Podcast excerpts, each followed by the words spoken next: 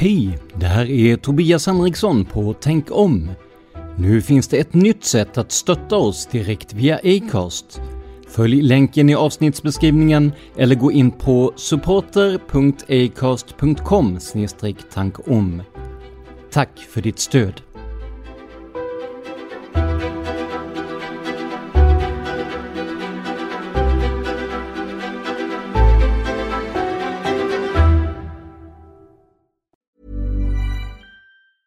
Everyone knows therapy is great for solving problems, but getting therapy has its own problems too, like finding the right therapist, fitting into their schedule, and of course, the cost. Well, BetterHelp can solve those problems. It's totally online and built around your schedule. It's surprisingly affordable too. Connect with a credentialed therapist by phone, video, or online chat, all from the comfort of your home. Visit betterhelp.com to learn more and save 10% on your first month. That's BetterHelp, H E L P. Ryan Reynolds here from Mint Mobile. With the price of just about everything going up during inflation, we thought we'd bring our prices down. So to help us, we brought in a reverse auctioneer, which is apparently a thing. Mint Mobile unlimited premium wireless. Have to get 30, 30, bit to get 30, bit to get 20, 20, 20, bit to get 20, 20, bit to get 15, 15, 15, 15 just 15 bucks a month. So, Give it a try at mintmobile.com slash switch. $45 upfront for three months plus taxes and fees. Promo rate for new customers for limited time. Unlimited more than 40 gigabytes per month. Slows. Full terms at mintmobile.com.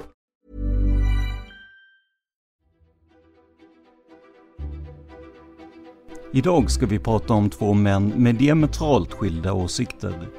En man med en fast tro på slaveriets förträfflighet och en man med en betydligt sundare syn på människors lika värde. En man som stod på den förlorande sidan i det amerikanska inbördeskriget och en man som stod på toppen, på den vinnande sidan, på landets mäktigaste politiska position. En man med en teaterkikare i handen den andra mannen med en pistol i sin. Vi ska prata om mordet på Amerikas 16 president Abraham Lincoln den 14 april 1865 och konspirationsteorin om huruvida mördaren John Wilkes Booth verkligen togs fast och dog eller om han lyckades komma undan. Jag heter Tobias Henriksson. Jag heter Jenny Sterner. Och du lyssnar på Tänk om. Välkomna till Tänk om, en podcast som granskar konspirationsteorier och myter. Dina programledare är som vanligt jag, Tobias Henriksson. Och jag, Jenny Sterner. Välkomna! Idag blir det en historisk berättelse. Vi ska alltså prata om John Wilkes Booth och mordet på president Abraham Lincoln. Det här är en konspirationsteori om en konspiration, skulle man kunna säga. Konspirationen att mörda en president. Men fick man verkligen tag på mördaren? Och varför var det så många andra märkliga saker som hände i samband med mordet? Om det ska vi prata alldeles strax. Ja, men precis. Men innan vi kör igång så kanske vi ska adressera en annan konspirationsteori, för eh, Jenny, visst var det så att din mick började bråka så fort vi kom in på teorin om Bilderberggruppen sist? Verkligen. Alltså det är, det är någonting som är, det är någonting som spökar för att den, när vi liksom går igenom, eh, vad ska vi säga, de stora dragen i konspirationsteorin, då funkar det utmärkt. Men sen så blev det, blev det knas när vi kom in och började prata om det mer konspiratoriska. Kan det vara så att vi börjar, kom, vi börjar komma någonting på spåren kanske? Ja, men precis. Jag, vet, jag tror jag berättade om det vid något tillfälle. Jag, jag råkade ut för sådana problem när jag intervjuade Lars Borgnäs om Palmemordet. Och, och eh, han refererade därefter till den här störningen som eh, störsändaren, vilket var lite, lite komiskt, men ja. Men vi, vi, vi hoppas att allting håller sig så bra som möjligt här med ljudet. Men nu över till formalien då. Om ni vill stötta den här podden ekonomiskt så går det alldeles utmärkt. Gå in på patreon.com tankom och donera en summa som podden får per publicerat nytt avsnitt. Görs det inga nya avsnitt så dras heller inga pengar. Om du hellre vill göra en engångsdonation, ja då hittar du alla sätt att göra detta på i avsnittsbeskrivningen. Och nu är det ju dags att presentera dagens avsnitt och jag känner väl att jag var lite taskig mot dig Jenny när jag valde ämne. Eh, för så här var det, för många år sedan gjorde den tidigare amerikanska fribrottaren, alltså wrestlern och senatorn, hör och häpna, Jesse Ventura, en serie som hette Conspiracy Theories. Jag tror att den gick på femman eller liknande i Sverige, möjligen Discovery. Och jag tyckte det var intressant, även om många teorier var lite väl konspiratoriska för mig. Så när samma Jesse Ventura släppte en bok kallad American Conspiracies, så köpte jag den som ren underhållningslitteratur.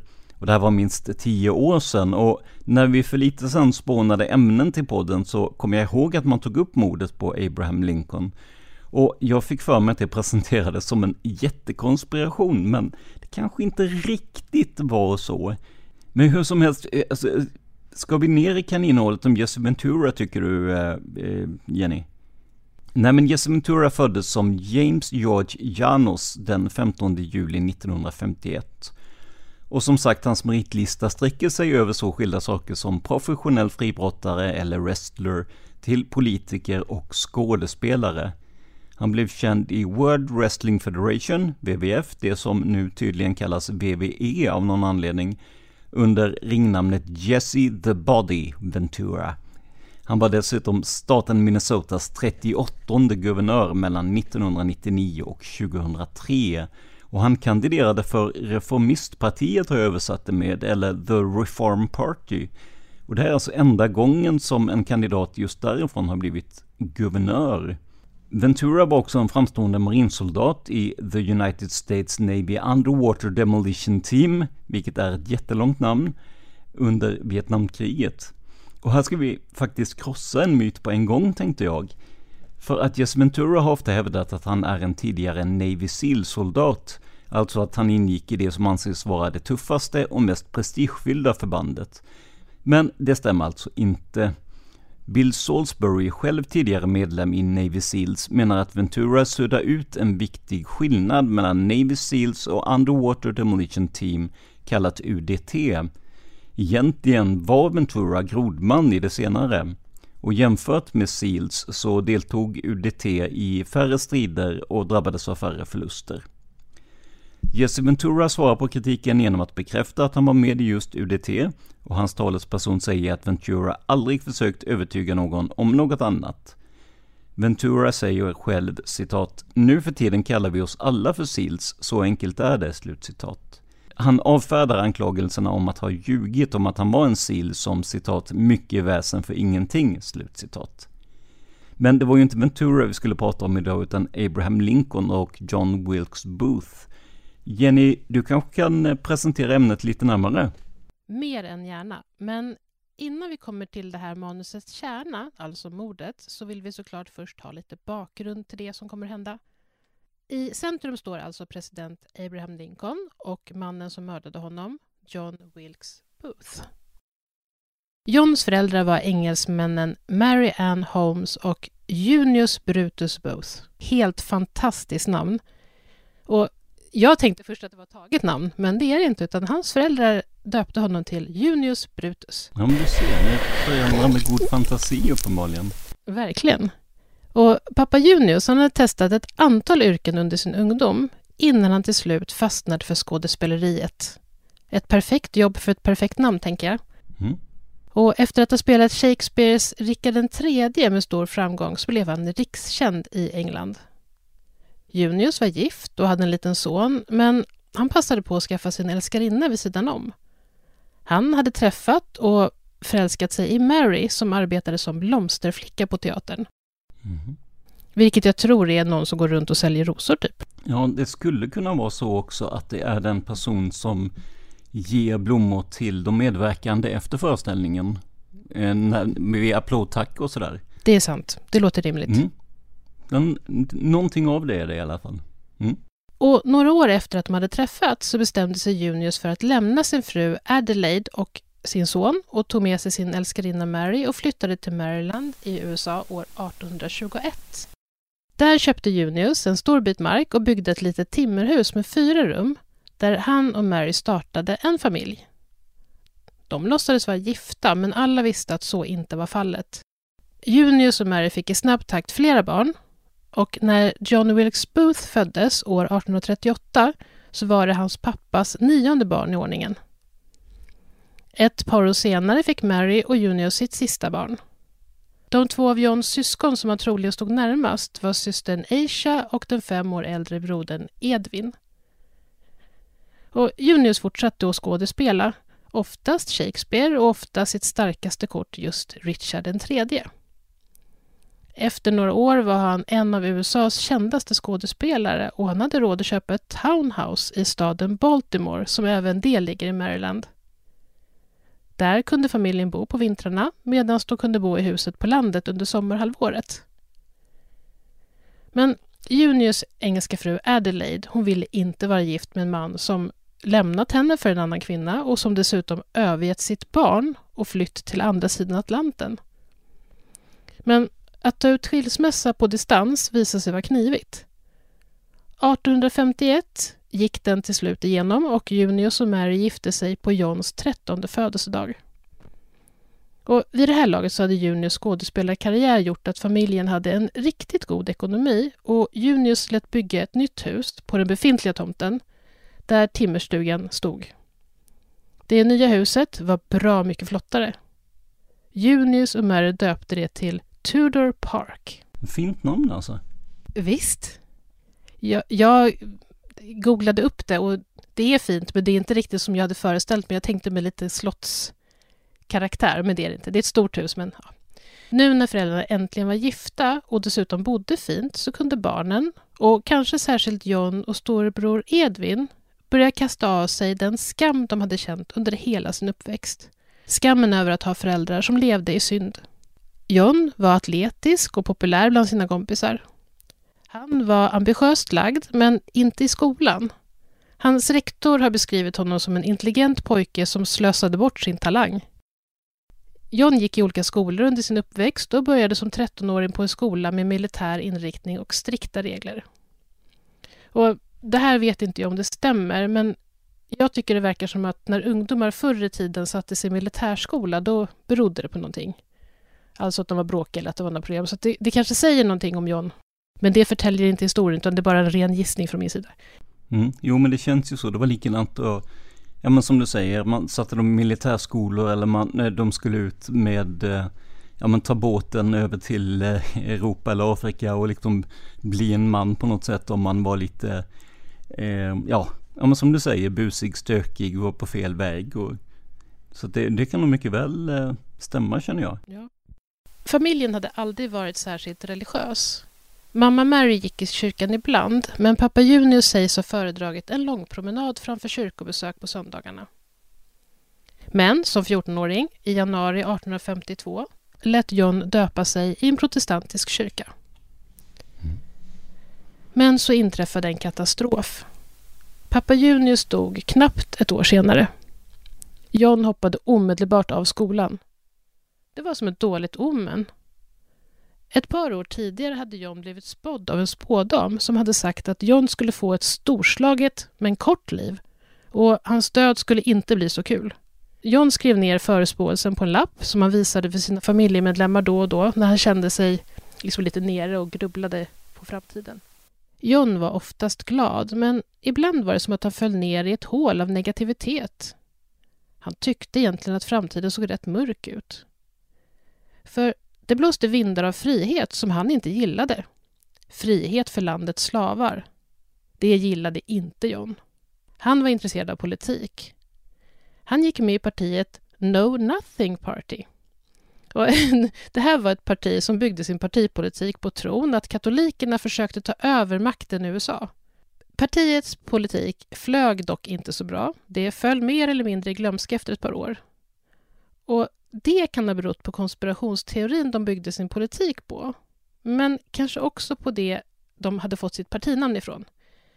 För att av någon anledning så var det en grej inom partiet att när de fick en fråga, till exempel av en journalist, så skulle de svara I know nothing. Och ja, det kanske inte är så jättesmart som politiker att liksom inte föra fram sina åsikter när de får frågan, tänker jag. Ja, men alltså här, här, här måste jag bara skjuta in, eh, dels det här med att man la skulden liksom katolikerna, att de skulle ta över makten. Det låter ju lite som vad som hände i eh, Europa tidigt 1900-tal när judarna fick, eh, alltså anklagades för precis allting som gick fel ju. Mm. Det är en jättemärklig grej alltså. Och sen en annan lite kanske mer humoristisk del då är ju, eh, du minns Fawlty Towers eller Pang i bygget? Jag visste att du skulle säga det. I know nothing, Manuel. Ja, precis. Fantastisk karaktär. Eh, som, eh, ja, eh, förmodligen inte helt politiskt korrekt i, i dagens eh, eh, situation då, men jag tycker fortfarande man kan, kan skratta, skratta gott åt det. Det var faktiskt precis det jag tänkte på när jag läste partinamnet. Mm, det var det. Det var det jag associerade till direkt. ja, det ser vi. har till och med liknande humor. Det, det är inte dumt. Ja, nej, verkligen inte. Men att partiet liksom fasade ut sig själv kan man säga, det gjorde inte så mycket för John hade fullt upp ändå. Och tänkte jag Tobias, vill du berätta lite om vad han började ägna i princip all sin fritid åt? Ja men absolut. John Wilkes Booth är ju numera känd för sina politiska åsikter, men vid den tiden, alltså innan mordet på presidenten, var han känd mer som skådespelare än politisk agitator. John hade börjat plugga Shakespeare tillsammans med storebror Edwin i skogarna runt Tudor Hall. Båda kände att det här nog skulle kunna bli till en karriär för dem båda. Trots allt var de ju söner till den stora Junius Brutus. Som sagt, fantastiskt namn. Eh, att hänga så mycket med sin storebror tyckte John var toppen. Då fick han tillfälle att inte bara spela Shakespeare, utan även försöka övertyga Edwin att tycka likadant som honom i olika politiska frågor. Maryland var en av sydstaterna och John tyckte att slaveriet var en toppenidé, vilket han ofta orerade om. Edwin tyckte precis tvärtom. Han förstod att alla människor har ett lika värde. Det här fick dem att träta ofta, men i längden så vann deras syskonskap och deras gemensamma teaterintresse. När John var 17 kände han sig redo att göra sin scendebut i en mindre roll på en teater i Baltimore. Vid det här laget var storebror Edwin redan en etablerad skådespelare. Johns karriär tog fart snabbt den också.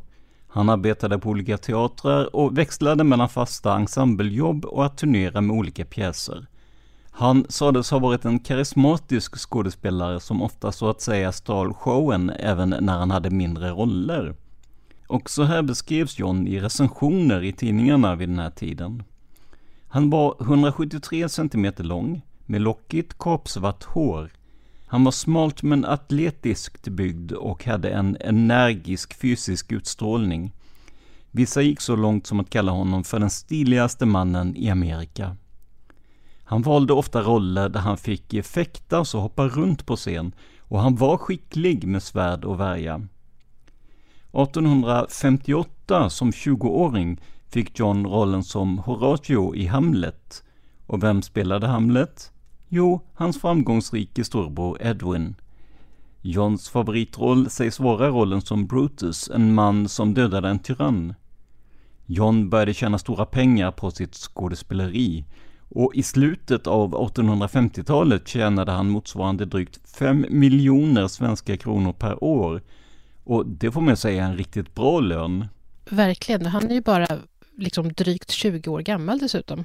Precis. Han bara i, bara i början av sin bana här ju. Fantastiskt. Nåväl, det sägs att John trots sin framgång alltid låg steget efter Edwin. För Edwin var lite bättre, lite mer framgångsrik och lite mer efterfrågad. Och det fanns ofta en känsla av tävling mellan de båda, i synnerhet från Johns sida. Utanför teatern fortsatte Johns politiska intresse. Förändringens vindar blåste i landet. Abolitionismen var på stark frammarsch, alltså kampen för alla människors lika värde och slaveriets avskaffande. John tyckte att det blåste åt alldeles fel håll. När helst John hade möjlighet deltog han i event som hade med slaveriets förträfflighet att göra. Bland annat bevittnade han John Browns hängning i december 1859. John Brown var en känd ledare för abolitisterna. Han hade åkt fast när han ledde ett inbrott i ett vapenförråd. Det blev rättegång och John Brown dömdes till döden. John Booth som ju var mycket positivt inställd till slaveriet, var orolig att John Brown skulle försöka fritas i samband med hängningen. Och han var inte ensam om den oron. Han samlades tillsammans med 1500 andra slaveripositiva personer för att beskåda hängningen. Den genomfördes utan problem för någon annan än den dömde och efteråt sa John Booth att han var väldigt nöjd med att ha fått bevittna just hängningen. Men att det fanns människor som hejade på slaveriet och ville motarbeta frihetskämparna, det hjälpte väl inte, eller hur Jenny? Nej, som tur är inte. För John Booth kunde skrika hur högt han ville om att han gillade slaveriet. Förändringarna var tack och lov på stark frammarsch ändå. Den 6 november 1860 så valdes Abraham Lincoln till president. Abraham Lincoln hade vuxit upp under små omständigheter i Kentucky men hade ett enormt driv vilket ledde honom till ett jobb som advokat. Det här ledde i sin tur till en roll i Illinois lagstiftande församling och vidare till representanthuset. Han blev medlem i det republikanska partiet som var helt nytt år 1856 och när partiet och Abraham vann valet så fick han och hans fru Mary flytta in i Vita huset. Nu var det dags att förändra. Och en av sakerna högst upp på Abrahams lista var just slaveriet. För det var någonting han hade avskytt ända sedan han var liten. Det skulle bort, det skulle förbjudas och det skulle förbjudas direkt.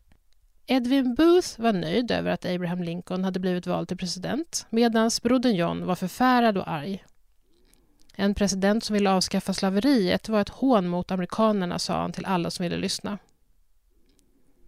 I april 1961 bröt sig elva sydstater ur den amerikanska unionen och inbördeskrig utbröt.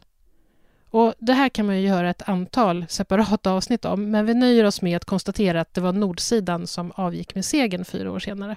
Det låter ju som någonting för Dan Hörnings eh, Nu blir det historia tillsammans med eh, Cornelia är det väl tror jag? Precis. Mm, mm.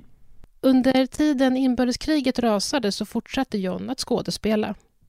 Han var ofta på resande fot och spelade för fulla hus både i norr och söder. Enligt hans syster Aisha så ska han ha passat på att smuggla kinin under sina resor från nord till sydstaterna. Och kinin användes för att behandla malaria och det har även en muskelavslappnande effekt. Och det rådde stor brist på kinin under kriget på grund av handelsblockader. It's that time of the year. Your vacation is coming up. You can already hear the beach waves, feel the warm breeze, relax and think about work. You really, really want it all to work out while you're away. Monday.com gives you and the team that peace of mind. When all work is on one platform and everyone's in sync, things just flow wherever you are. Tap the banner to go to Monday.com. Everyone knows therapy is great for solving problems, but getting therapy has its own problems too, like finding the right therapist, fitting into their schedule, and of course, the cost. Well, BetterHelp can solve those problems. It's totally online and built around your schedule. It's surprisingly affordable too. Connect with a credentialed therapist by phone, video, or online chat, all from the comfort of your home. Visit betterhelp.com to learn more and save 10% on your first month. That's BetterHelp, H E L P. There's never been a faster or easier way to start your weight loss journey than with PlushCare. PlushCare accepts most insurance plans and gives you online access to board-certified physicians who can prescribe FDA-approved weight loss medications like Wigovi and Zepbound for those who qualify. Take charge of your health and speak with a board-certified physician about a weight loss plan that's right for you. Get started today at plushcare.com slash weight loss. That's plushcare.com slash weight loss. plushcare.com slash weight loss. 1863 anhölls John efter att ha hörts säga Jag önskar att presidenten och hela regeringen skulle fara åt helvete. Han åtalades för hot och dömdes till höga böter. Men det fick inte John att backa, tvärtom. Han ville börja omsätta ord i handling istället. Så han fick den eminenta idén att kidnappa Abraham Lincoln. För en tillfångatagen Lincoln skulle kunna användas för att tvinga norr att släppa fängslade sydstatssoldater till exempel. Det var liksom allt var möjligt om man hade presidenten.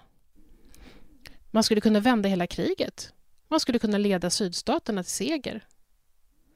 John satte ihop en grupp av minst åtta likasinnade sydstatssympatisörer bestående av bland annat David Harold, en 21-årig apotekarassistent. George Atsterod som hade kommit med sin familj från Tyskland till USA när han var åtta år gammal. Och nu var han 30 år och ägde och drev en verkstad som reparerade hästvagnar. Och Louis Powell var en sydstatsanhängare som varit krigsfånge. Han var stor och lång och hade liksom tänkt som projektets muskler, står det i källorna. Och till sist vännen och sydstatssympatisören John Surratt och hans mamma Mary. Här, här tänker jag på en sak bara. Eh, du minns att vi hade ett, eh, ett avsnitt om Beatles för inte sådär superlänge sedan. Ja. Och eh, i slutet av den så satte jag ihop någon liten eh, variation på Let it be. Mm. Och eh, då kom jag bara på att texten lyder ju When I find myself in times of trouble, Mother Mary comes to me. Mm. Så vi har en väldigt vag koppling där faktiskt mellan våra avsnitt, även om det är förmodligen, det är ju inte samma mamma, mamma Mary som avses direkt. Nej, däremot så stämmer ju texten för att det var faktiskt precis som texten säger att hon kom, hon hjälpte till helt enkelt. Ja, just det, just det. Ja, så är det ju. För att de höll, de höll sina planeringsmöten i hennes eh, pensionat. Ah. Och där gömde de även vapen och förnödenheter som de skulle behöva i samband med kidnappningen. Men under tiden John och hans kumpaner smidde planer och konspirerade så pågick ju inbördeskriget.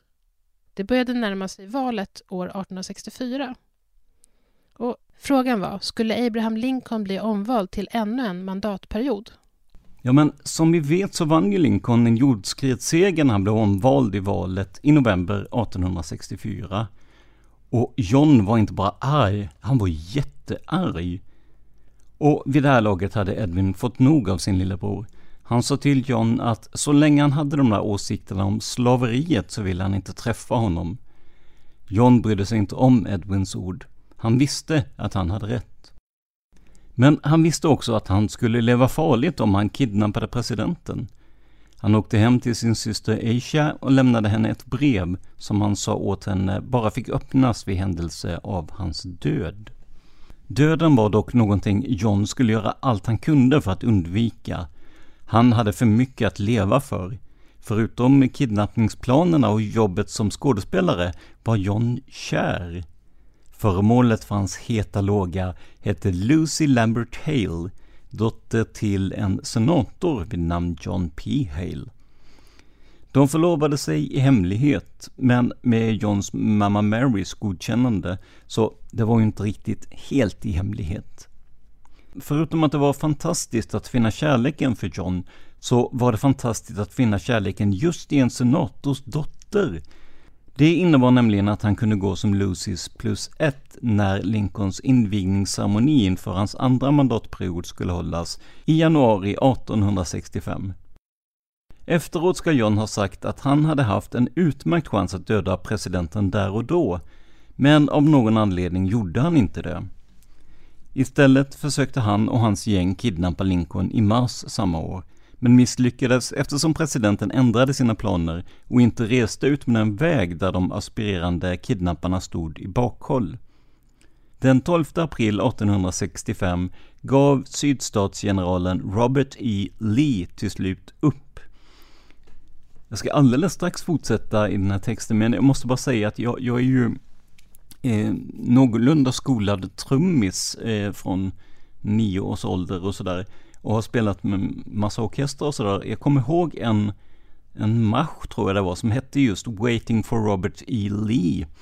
Så att eh, han har satt avtryck eh, i, eh, ja, även om han då förlorade så, så eh, har han satt avtryck både musikaliskt och historiskt tydligen. Lincoln höll ett spontant tal från en balkong i Vita huset och han meddelade att slaveriet var över. John var en av åskådarna och sa efteråt att Lincoln hållit sitt sista tal. John hade nämligen ändrat sig. Han hade kommit fram till att en kidnappning inte längre räckte. Inte nu när presidenten tydligen trodde att han och nordsidan vunnit kriget. Presidenten behövde försvinna för alltid. Tillbaka till skrivbordet. Dags att göra nya planer. Att mörda är ju faktiskt mer definitivt än att kidnappa och med Abraham Lincoln ur spel skulle kanske framtiden bli bättre. Men Lincoln styrde ju inte landet ensam. Även vicepresidenten Andrew Johnson och Secretary of State, eller statssekreterare William H. Seward, behövde mördas. Det gällde att ställa till så mycket kaos som möjligt så att sydstatssidan skulle kunna ta makten över landet. Så John och hans kumpaner hade planerat att kidnappa presidenten under ett par år vid det här laget och inte lyckats ännu. Och nu tänkte de ge sig på att inte bara mörda presidenten utan även hans två närmaste män. Och hur såg planerna för det ut, Jenny? Jo, den 14 april var det långfredagen den påsken och på morgonen gick John till Fords teater där han ibland jobbade. Inte för att han skulle jobba den kvällen, men för att han hade sin post eftersänd dit eftersom han inte hade någon fast adress för han reste ju så mycket.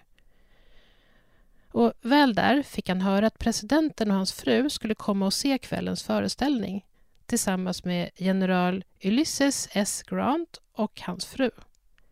Pjäsen som skulle spelas var Our American Cousin skriven av Tom Taylor. Pjäsen är en farsartad historia, en komedi i tre akter. John visste nu att han kanske inte skulle få något bättre tillfälle. Det var dags.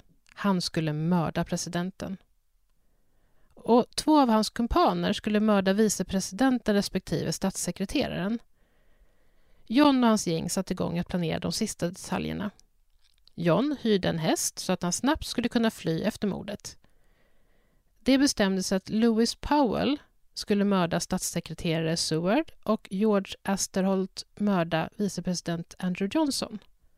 Och Harold skulle hjälpa till med flyktplanen efter dådet. Planen var att ta sig till Virginia, alltså söderut. Han gick dit och borrade ett hål i väggen in till presidentens loge. Hålet behövde han för att kunna kika in för att ha koll på att presidenten satt på sin plats. Det blev kväll.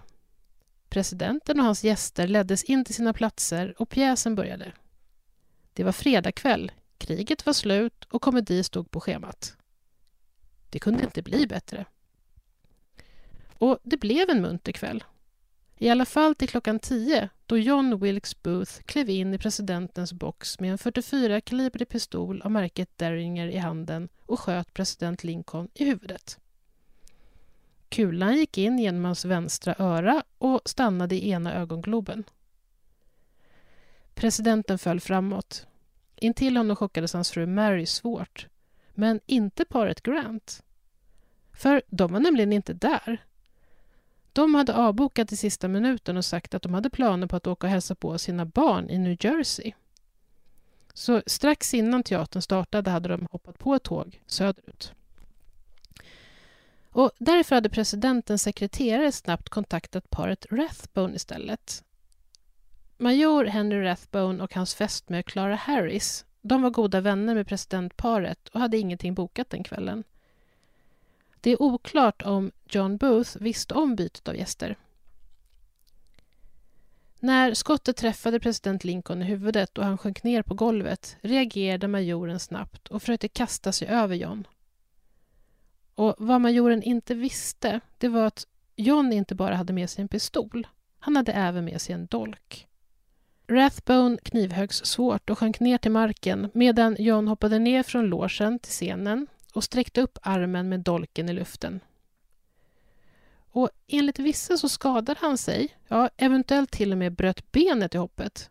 Det finns de som säger att han paradoxalt nog skadade sig på nordstatsflagga. Det låter lite som en skröna, men man vet ju inte. Det låter lite för bra för att vara sant, men kanske. Ja.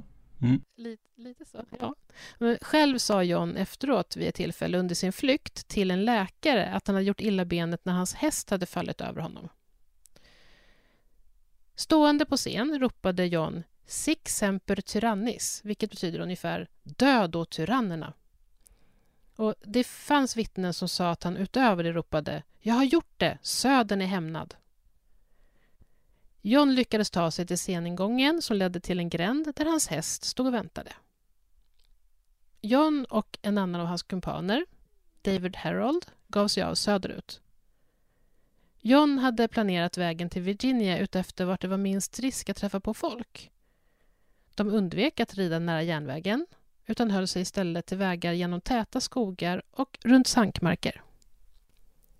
Och sent på kvällen kom de till Surratts Tavern, alltså John Surratts mamma Marys hus, ungefär en och en halv mil från teatern, där de hämtade upp de vapen och den utrustning de hade gömt där tidigare. Och sen fortsatte John och Harold. De red söderut och stannade då och då till hos personer de visste var sydstatssympatisörer. Dagen efter dådet, den 15 april, dog president Lincoln. John var den enda av de tre gärningspersonerna som faktiskt blev en mördare kvällen innan. Statssekreterare William H. Seward låg till sängs när Lewis Powell tog sig in i hans hus, redo att knivhugga honom. Men han blev påkommen av Sewards son som började skrika. Och Powell fick väl lite panik och knivhögg sonen och sen Seward, men båda överlevde. Och vicepresident Johnson å sin sida, han visste inte ens att han var utsatt för en mordkomplott. För George Asterhod hade fått kalla fötter, ja nästan panik. Han hade gått till en krog och satt sig där för att dricka sig till lite mod. Men det hjälpte inte. Så han tillbringade natten med att vandra gata upp och gata ner för att försöka utföra den del av planen som han ansvarade för. Men han klarade det inte. Krigsdepartementet utlyste en belöning på 100 000 dollar, drygt 20 miljoner svenska kronor i dagens penningvärde, för information som ledde till John och hans medbrottslingars gripande. Trupper genomsökte hela Maryland med fokus på de södra delarna där de hade fått tips om att John befann sig. Och de sökte såklart också igenom Johns hem och även hans mammas och hans syskons. I stora syster Asias hem hittade de brevet som John hade lämnat henne i början av året och som bara fick öppnas i händelse av hans död. Men det kunde såklart polisen inte ta hänsyn till nu. Och I brevet stod att läsa att John funderade över om han var en idiot som gav upp ett bra liv med många vänner för att göra det som han skulle komma att göra. Men att han inte kände att han hade något val eftersom Gud hade valt ut honom att ställa allt som var fel i landet till rätta. Och han skrev även att det afrikanska slaveriet är en av de största välsignelserna som Gud har givit vår utvalda nation. Det här brevet publicerades i tidningarna. Alltså, Johns plan var ju att det skulle utbryta totalt kaos i landet efter presidentens död. Men hur blev det med det, Tobias? Jo, eftersom George Atzerodt tack och lov hade fått kalla fötter och tillbringat kvällen den 14 april på krogen istället för att mörda vicepresident Johnson, så kunde han ta över ämbetet och sväras in direkt efter president Lincolns död den 15. Det började direkt planeras för Lincolns sista vila. Fyra dagar efter att han hade blivit skjuten, den 18 april, lades han på Lido Parade inne i ett rum i Vita huset. Rummet var draperat i svart och rosor och liljor dekorerade rummet och Abraham Lincolns kista tillverkad av blankpolerad valnöt. Tusentals människor kom med tåg för att se presidenten och vara med på begravningen, och män bara från utsidan av kyrkan. Dagen efter skulle kistan ut på en tågresa genom landet. Ett långt begravningståg så att invånarna under de kommande två veckorna skulle få chansen att se sin president. Sju miljoner personer stod ut med färdvägen. Sorgen och förfäran var stor även bland många i sydstaterna och general Robert E. Lee beklagade det inträffade. Men det fanns såklart också många som utropade John Wilkes Booth som en hjälte. Det fanns en oro i syd att detta inte alls skulle få det syfte som John tänkt sig, utan att nordstaterna istället skulle ge igen på sydstaterna och allt skulle bli ännu värre. John skulle alltså inte bli en sydstatshjälte, utan någon som gjort deras förlust i kriget ännu större. Så tänkte inte John. Han ansåg sig ha utfört ett hjältedåd. Han och Harold gömde sig i en lada i södra Maryland och inväntade en bra tidpunkt att korsa Potomacfloden och ta sig än mer söderut. Han var väl medveten om att presidenten dött och begravts. En av hans medbrottslingar köpte dagstidningar till honom varje dag och John förvånades över att han inte omnämndes som en hjälte i de sydstatstrogna tidningarna. Dessutom kunde han läsa att hans medbrottslingar greps en efter en. De stunder John inte läste tidningar skrev han i sin dagbok. Even when we're on a budget we still deserve nice things. Quince is a place to scoop up stunning high-end goods for 50 to 80% less than similar brands. They have buttery soft cashmere sweaters starting at $50, luxurious Italian leather bags, and so much more. Plus, Quince only works with factories that use safe, ethical, and responsible manufacturing. Get the high-end goods you'll love without the high price tag with Quince. Go to quince.com/style for free shipping and 365-day returns. Den 21 april var det dags. Han skulle korsa floden den natten. John och Harold fick en kompass och en båt av en sympatisör. Men kompassen hjälpte inte. Istället för att fara söderut mot Virginia råkade John och Harold navigera uppströms. Och när de gick i land dagen efter, den 22 april, var de längre norrut i Maryland än tidigare. Det här tycker jag är fascinerande. Ja, hur kan man av misstag råka navigera uppströms? Märker man inte det? Nej men precis, och, och, och också, jag tänker norr och söder är ju diametralt på olika sidor på en kompass ju, så jag, jag, jag förstår inte det heller riktigt. Mycket märkligt. Nåväl, Harold kände igen sig omedelbart när de gick i land. Han hade ofta jagat i de här trakterna. Det var inte läge att göra om och göra rätt. Eller tänka om och tänka rätt, om man nu vill det. Det var dagsljus och de kunde lätt bli upptäckta. De behövde gömma sig igen. Under väntetiderna skrev John i sin dagbok. Och i just dagboken beklagade han sig över hur han som hjälte blev så illa omskriven. Brutus hade ju hyllats som en hjälte när han dödat tyrannen. Varför hyllades inte John? Varför förstod ingen vilken storartad insats han gjort? Efter flera turer och försök tog de sig till slut över floden och in till Virginia, precis innan soluppgången den 23 april. Dagen efter skickades löjtnant Edward P. Doherty och löjtnant Everton Conger ut från Washington med målet att fånga in John och hans kvarvarande kumpaner. Klockan var två på eftermiddagen och till sin hjälp hade löjtnant Doherty 26 soldater. De tog en ångbåt nerför Potomacfloden och landsteg i Virginia klockan 22 på kvällen. Och nu känns det ju som att eh, militären är hack i häl på John och Harold. Ja, vid det här laget så befann sig ju John Booth och Harold på en bondgård söder om Port Royal i Virginia. Bara ett par mil från platsen där sökgruppen gått i land. Så de var ju väldigt nära. Och den här bondgården tillhörde en familj som heter Garrett. Mordet på Lincoln hade gått familjen helt förbi. Troligen på grund av att postutdelningen helt hade havererat i sydstaten efter att kriget hade förlorats. Och jag tänker att den här gården låg lite liksom avlägset också. Och John presenterade sig som James Boyd och sa att han hade blivit sårad i kriget och var på väg hem nu. Han behövde bara någonstans att vila lite först. John och Harold åt middag med familjen på kvällen. Under middagen fick familjen reda på att presidenten var död, mördad av en man som hette John Booth. Men att mördaren satt vid deras middagsbord visste de däremot inte.